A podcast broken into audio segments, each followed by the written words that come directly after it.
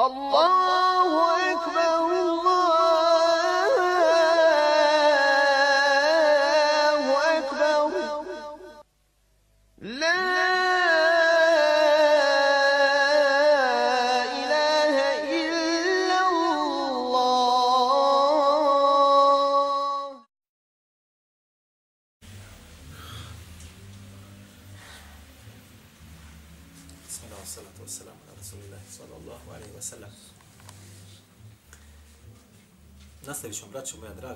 govoriti danas o belajima kroz koja su prolazili ili iskušenjima kroz koja su prolazili vjerovjesnici, učeni i dobri ljudi.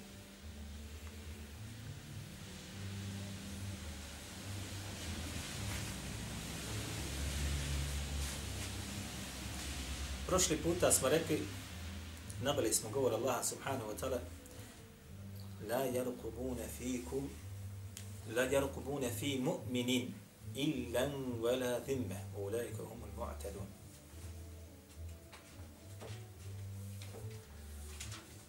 Po pitanju vjernika rekli smo one koji žele da im naude neće ih u tome sprečavati, neće se obazirati niti rodbinske veze, niti ugovore. Ulajke humul mu'tadun i takvi su pravi prestupnici ili u tome činu kada se što bi rekli mi iživljavaju nad vjernicima, prelaze sve granice. I nema tu ljudskih prava, niti zakona koje međunarodna zajednica propisuje i tako dalje. I to je, braćo moja draga, bilo od vjerovjesnika koji su spomenuti u Kur'anu do dana današnjeg i tako će da bude dok god bude vjernika na dunjalu. La yarkubuna fi mu'minin illan wala dhimme. Po pitanju vjernika ne zanima ih niti rodbinska veza, niti bilo kakvi ugovori, niti protokoli, ili bilo kakve odluke da se donesu, rezolucije.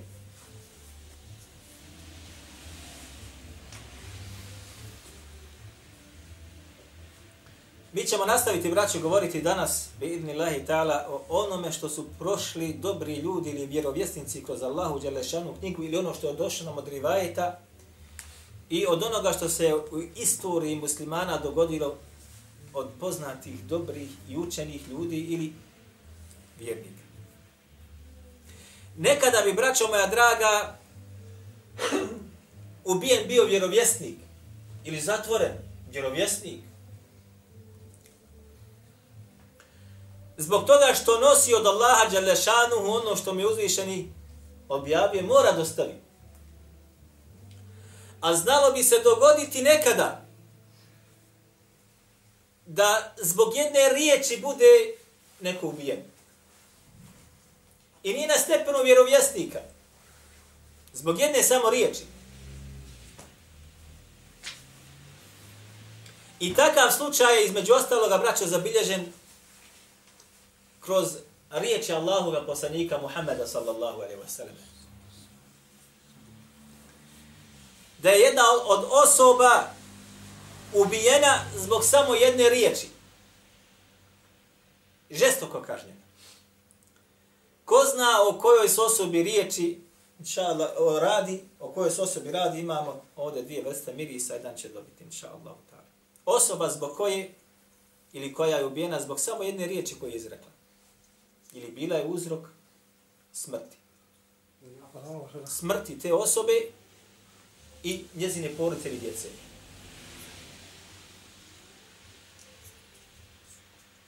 Znam ko? Malo je poteško, ali mi je blizu. Faraona žena. Od faraonovi. Allah je. Ti koji ćeš? Biraj, zeleni ili ovaj crveni? Pa spolovi jedan njemu, jedan ne. Ha? Nije su jednom, evo izaberi sebi. Izaberi sebi miris, izaberi sebi pogleda. Hajjak Allah. Radi se o takozvanoj frizerki, što kaže brat, faraonove čerke, ili one koja je češljala faraonovu čerku. Zamislite, Maksuz ili ima služi, e, sluškinju koja češlja njezinu kosu. Tako rade ko? Nasilnici. Kako navodi ima Mahmed i navodi Ibn Hibban u svome sahihu, i evo nekoliko verzija navodi Ibn Hibban u svome sahihu, sa jakim lancem prenosilaca, kako kaže Šuaib al-Arnaub, jednog dana dok je češljala, kosu ispade joj češalj. Pa je rekla šta? Bismillah.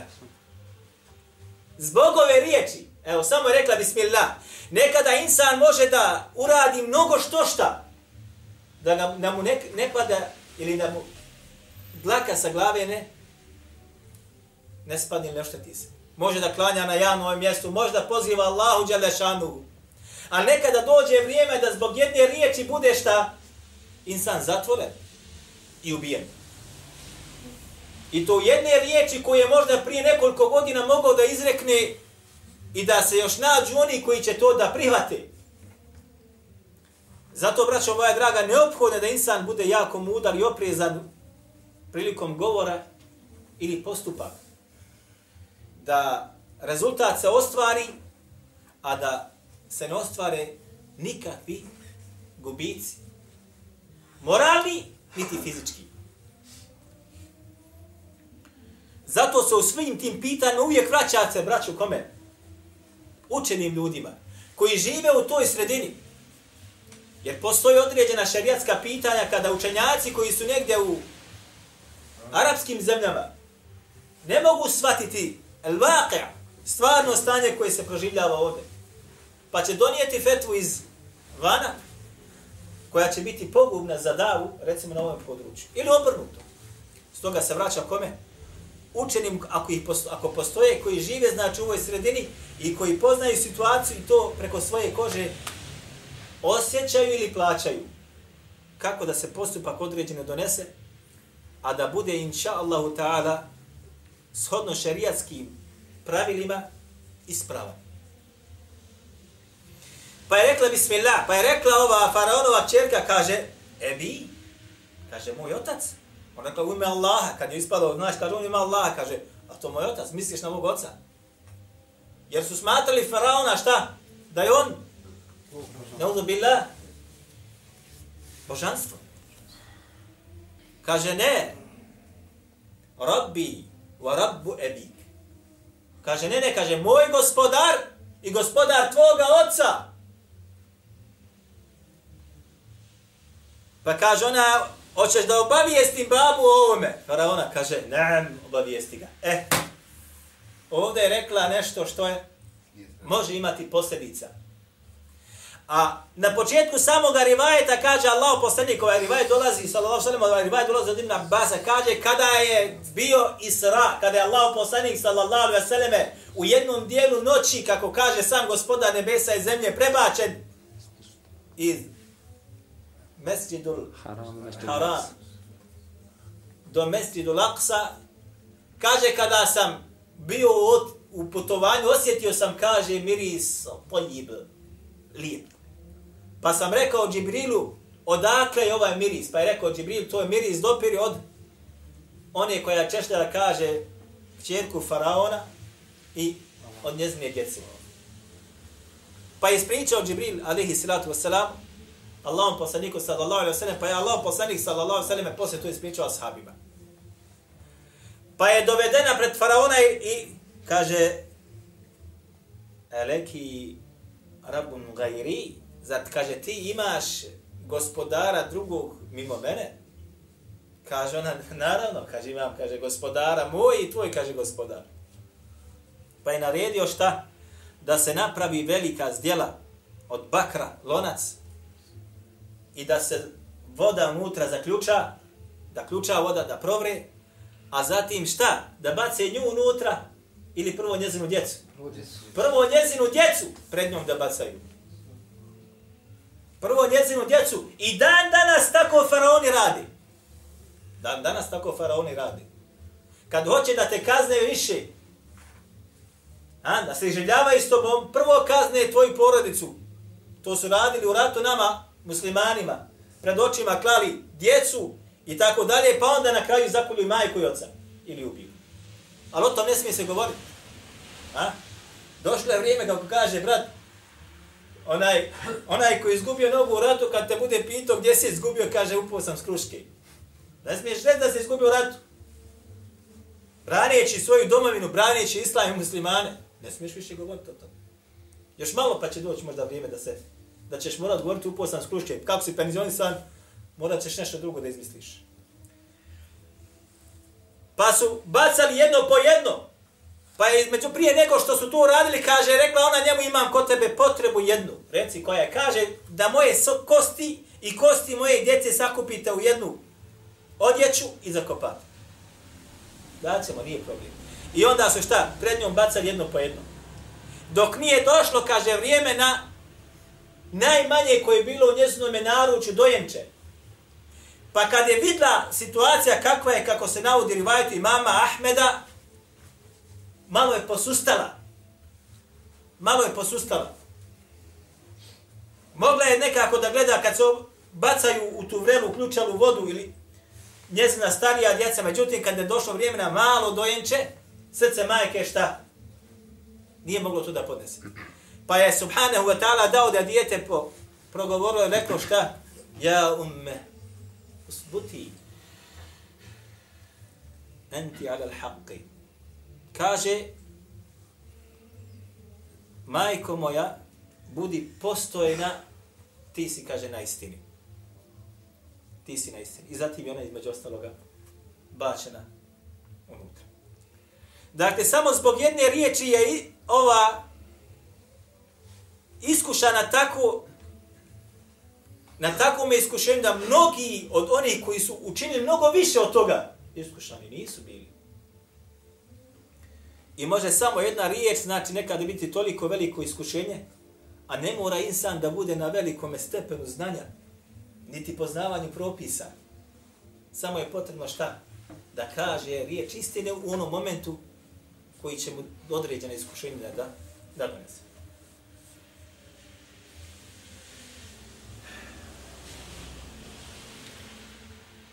Kad smo već na ovoj tematici, između ostaloga, braćo, između ostaloga Allah Đelešanuhu govori u Kur'anu da su židovi وَيَقْتُلُونَ النَّبِيِّينَ بِغَيْرِ الْحَقِّ da su ubijali vjerovjesnike bez ikakvog razloga. Bez ikakvog razloga. I jedan od vjerovjesnika koji je došao sa vjerodostojnim rivajetima koji je ubijen, između ostaloga je bio i Jahja a.s. Vi ste čuli o Jahji. Kada je između ostaloga Zakarija rekao Vehene azmu minni vašta'ale re'si šejba kaže gospodaru moj moje su kosti kaže oronule i moja je kaže kosa šta osjedile. Dole zatim kaže وَمَرَأَتِ عَقِرُ A moja je, kaže, supruga od onih koji više ne može da rađa ili nikad nije mogla da rodi.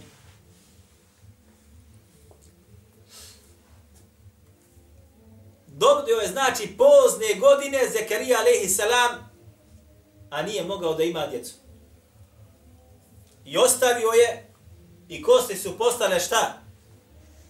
Stare, oronule, i kosa je osjedila. Što bi rekli mi više nade za poroda ima ili nema. I zatim navodi još jedan razlog koji vam akira. I moja je kao supruga šta? Nerotkinja. Ne može imati više djece.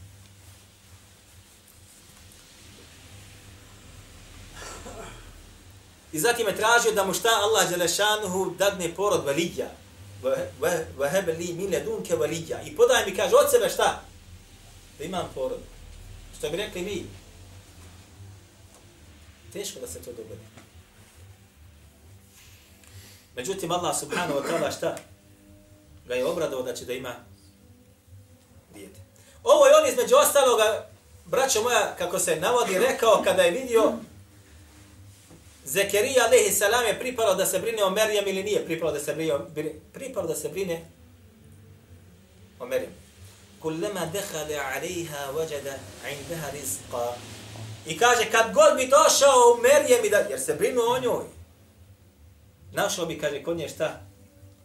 Rizqa, obskrbu svake vrste. Ona ne izlazi nikud. I onda je vidio da je, i pitao i kaže, ena leke hada, odakle ti kaže, kaže, humen indi Allah, inna Allah jerzuku men ješa bin gajri hisab, kaže, ovo je od Allaha Đalešanu, Allah Đalešanu skrblje koga on hoće, bez ikakvog računa. E onda kad je to vidio šta kaže hunalike da Zekarija rabbe, onda je Zekarija šta podigao svoje ruke i tražio od Allaha Đalešanu da ga počasti sa čime? Sa porodom. zurijeten tajiba, da ga Allah Đelešani počasti znači čime sa porodom koji će biti kako treba. Zatim Allah subhanahu wa ta'ala odmah govori dalje kako ide. Kale rabbi hebli mi ledunke zurijeten tajiba, inneke se mi uda. Ovo su hafidi. Dok je stajao. Pa su ga kaže dozvali meleki odma. A on kaže klanja. Klanja na namazu. Anna Allah yubashshiruka bi Yahya. Allah te kaže šta? Obveseljuje sa Jahjom sa sinom koji će se Jahja zvati. I koji će biti između ostaloga šta? Biće mu saddiq, onaj koji će čvrsto vjerovati u Allahove riječi. Wa sajjidan, wa hasuran, wa nabija mina I koji će biti šta? Prva, najčasniji, najbolji. I koji će biti čestit, neće ga nikad, što se kaže, ruka žene neke dotaća, kao li šta drugo. I bit će vjerovjesnik, i bit će mina salihin. Od dobrih ljudi. nije imao sina godinama, dođe kao starost, Allah ga znači zatim obveseljuje da će dobiti sina i zatim opisuje njegova svojstva kakav će da bude. Svako bi se radovao o tome. Nema ništa bolje. A zatim dolazi vrijeme kada odrasta i kada dolazi vrijeme šta? Iskušenja. Kako navodi Hakim u Mustedreku, A zatim kaže ispod on da je taj hadith ili rivajet po šartovima mama Buhari i muslima. A sa njim se je složio imam Zehebu Talhisu i kaže da je po šaftu imama Buhari i imama muslima. Isa alaihi salam bio poslanik i do, u njegovome zakonu bilo je zabranjeno da se oženi sa bratovom čerkom nekom. A između ostalog rivajeti koji su došli jeste da je Isa alaihi salam sa Jahijom u stvari šta? Rodbinska veza, prisna, tečić. Tečić u stvari. I između ostaloga pojavio se vladar u Damasku koji je htio da oženi svoju tu blisku rodicu. Pa je Jahja alaihi salam donio fetvu ili šta govor? Da je to zabranjeno. Jesu li opet to učinili? Opet su to učinili. A zatim pakosnica je zatražila da vjenčani dar to kralja njoj bude šta? Njegova glava. I on je rekao, traži šta drugo, kaže ne, samo to. I naredio je, pa je između ostaloga Jahja alaihi salam zaklan, a zatim ta glava donešena njoj na tastu. Kako se kaže, između ostalog, kladni. Kako se kaže. Zatim kaže, dole se u rivajetu, kako Hakim navodi, i non stop je curila krv iz njegove glave. Non stop. Dok nije došao jedan od vladara koji je pokorio Damask i kad je to vidio, došlo je kaže nešto pa je rekao, između ostaloga, ustavit će se dok god ja, dok god se ne pobije određeni broj naroda. Pa je ubijao, ubijao i pobijeno je 70.000 stanovnika, pa je prestala krv da, da teče. Dakle, to su belaje ili iskušenja kroz koja prolazi i onaj koji nije učen. niti je dostigao stepen učenih ili dobrih ili vjerovjesnika, a zatim tu istu cijenu također plaćaju i vjerovjesnici. I navešao vam, braćo, primjer iz islamske sad istorije, odnosno nakon poslanika Muhammeda sallallahu alaihi wa sallam.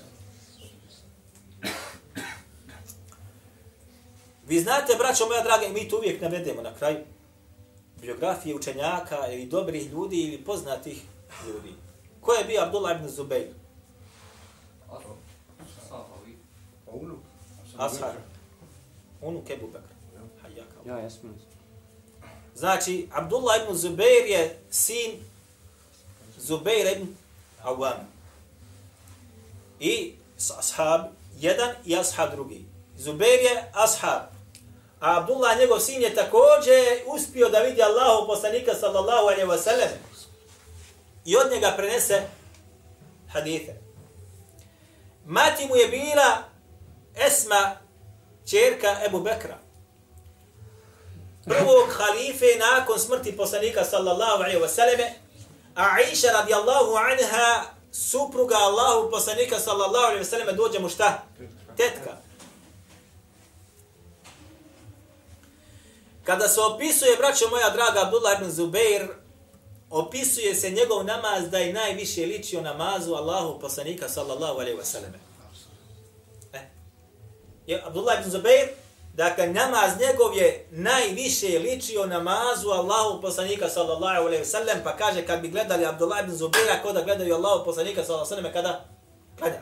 Imam Ahmed bilježi, kaže Abdurrazak, a ovo isto također Abdurazak u svome Musannehu bilježi, je Abdurazak je kaže uzao namaz od Đurejđa, a Đurejđa kaže uzao namaz od Ata, Ata je kaže uzao od Abdullah ibn Zubeira, a Abdullah ibn Zubeira od svoga djeda Ebu Bekra, a Ebu Bekra uzao namaz od koga?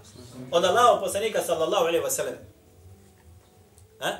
I on je znači na, obavljao namaz isto onako kako je ga obavljao poslanik Muhammed sallallahu alejhi ve sellem. I zato imam Buhari kada navodi između ostaloga nećemo sad govoriti. A? Postoji jedan od rivajeta kojeg navodi Tabarani i Hafiz al-Bazzar kada je Allah poslanik sallallahu alaihi wasallame uradio hijjamu, dao je da tu krv od hijjame na određeno mjesto stavi Abdullah ibn Zubayr. On je tad bio dječak. I on je prvi musliman koji je rođen u Medini. Abdullah ibn Zubayr. Zubayr. Je prvi musliman koji je rođen u Medini nakon hijđre kad je poslanik sallallahu alaihi wasallam učinio hijjru. I kad je poslanik sallallahu alaihi wasallam preselio, imao je 9 godina.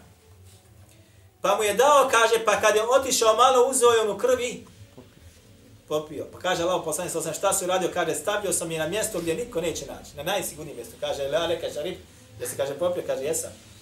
Pa rekao Allah poslanik sallallahu alaihi wasallam, nećete dotaći džehenemska vatra. I kaže, teško tebi od ljudi i teško ljudima od tebe. Ovo je rivajet, znači između ostaloga, oko kojeg postoji govori, Wallahu alam. Međutim, mnogi islamski učenjaci su odbranili ispravnost ovoga rivajeta, jer dolazi sa različitim verzijama. Kada je došao na vlast Jezid ibn Muavija, hm, 61. Godine po Iđiliši, onaj, kada je došao na vlast, tada je Abdullah ibn Zubair odbio dat pokornost njemu kao halifu jer ga smatrao nedostojnim, nedostojnim da bude halifa. Nakon toga, kada je postao halifa Marwan, gotovo čitav islamski svijet je dao beju ili prisagu Abdullah ibn Zubeiru da bude halifa. Dali su prisagu gotovo svi. Kako navodi ibn Kathir, dao me prisagu čitav Hijaz. Dao mi prisagu čitav Irak. Egipat mi je dao prisagu. Samo, kaže, neki dijelovi Šama današnjeg mu nisu dali prisege, da, bili su dali prisagu kome? Mervanu. Nakon smrti Marvana dolazi njegov sin na vlast kao halifa u Dama, tamo u Damasku, Abdulmelik ibn Marwan. I onda Abdulmelik ibn Marwan počinje da se bori, naravno više, i da dolazi na, na, na vidjelo je Hadžađ ibn Jusuf, i počinje da osvaja teritorije gdje je bio kao vladar ili halifa Abdullah ibn Zubin. Kada navod Ibn Kathir, braćo u El Bidaje Nihaje, njegovu biografiju kaže Mirul Mu'minin, vođa vjernika, Abdullah ibn Zubair. Za kaže između ostaloga, Hafid ibn Hajar al-Asqalan u Tehdibu Tehdib, kada navodi biografiju Abdullah ibn Zubaira, kaže i njegov halifat je bio ispravan halif. Nema kaže neko on se usprotivio tamo, ne, ne. U islamski učenjaci najveći temelji smatraju njegovi hilafe da bio ispravan. Ha? Između ostaloga, pokrenuli su ogromnu vojsku i opkolili su Meku, on je bio Meku. I zatim su, on se, znači, između ostaloga, u, lo, u Logori, ako se možda kaže, u Mesjidul Haramu kod Kabe. Pa su između ostaloga bacali kamenje ili srušili su Kabu kamenjem, između ostaloga i zapalili. Hadžađ ibn Jusuf i njegova kompanija. Mnogi koji su bili tada, vidlo se znači da u tim momentima kad se vidi da se gubi bitka, mnogi su prešli na stranu Hadžađ ibn Jusufa. On im je zagarantovao sigurnost, izvuzite se kogod hoće, sigurni ste kod mene, mnogi su ga napustili, pa čak i njegovi sinovi su ga napustili. I to ga je pogodilo, braćo moja draga, i između ostalog otišao je kod svoje majke Esme bint Ebibe. I rekao, dogodilo se to i to, kaže, čak su me moja porodica me znači napustila. Pa kaže ona njemu čuvene riječi. Ako si kaže na istini, ustraj, faqatluka ahsen. I da te ubiju je bolje nego da. A ako si kaže, to uradio zbog dunjaluka, bi se abdu ent, bi se abdu ente. Ti si, kaže, oma loš čovjek. Pa je on rekao, neka to ja radim. Radi Allaha, Đalešanu, između ostalog, pa je ona njega tu, što bi rekli, mi osokorila, I bila je slijepa, pa kada je, znači, poljubio njezinu glavu i tako dalje, i kada je ga dirala, vidla da ima na sebi šta? Pancir od željeza je stavio. Šta će ti, kaže, to ako si ti od onih koji traže šehadet, i ako si na istini? Pa između ostalog i to skinuo i rekao, danas tako i tako će da bude, nemoj da za mnom tuguješ, između ostalog i tako i tako. Vratio se nazad i bila je bitka, znači nekoliko dana je to trajalo i ubili se ga između ostaloga. I njegovu glavu su osjekli i donijeli se hađađu, kada je donešena glava njegova hađađu, hađađ je šta uradio? Učinio je seđdu činio seždu. Zatim se popio na mimber, sabro je stavnike Mekke, zatim na mimber se popio, uvijek ovako bude. I zatim rekao šta? Abdullah, kaže Ibn Zubair je, kaže, htio da jubedil kitab Allah, da kaže, promini Allahu, govori Allahu knjigu. Uvijek znači na, uvijek se ovako svali na poštene i čestite i časne uvijek da su najgori. Hoće da svijet ispripadaju za tobom. A oni maša Allah, a oni u Firaonovoj koži.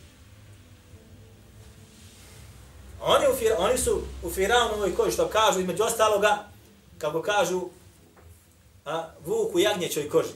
Popnuo sam i onda, ti kad slušate im rekao, zaista ovo je sve tako.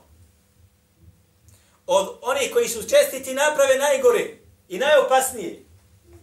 I uvijek oni bivaju oni koji brane istinu, pravdu i čine red na zemlji.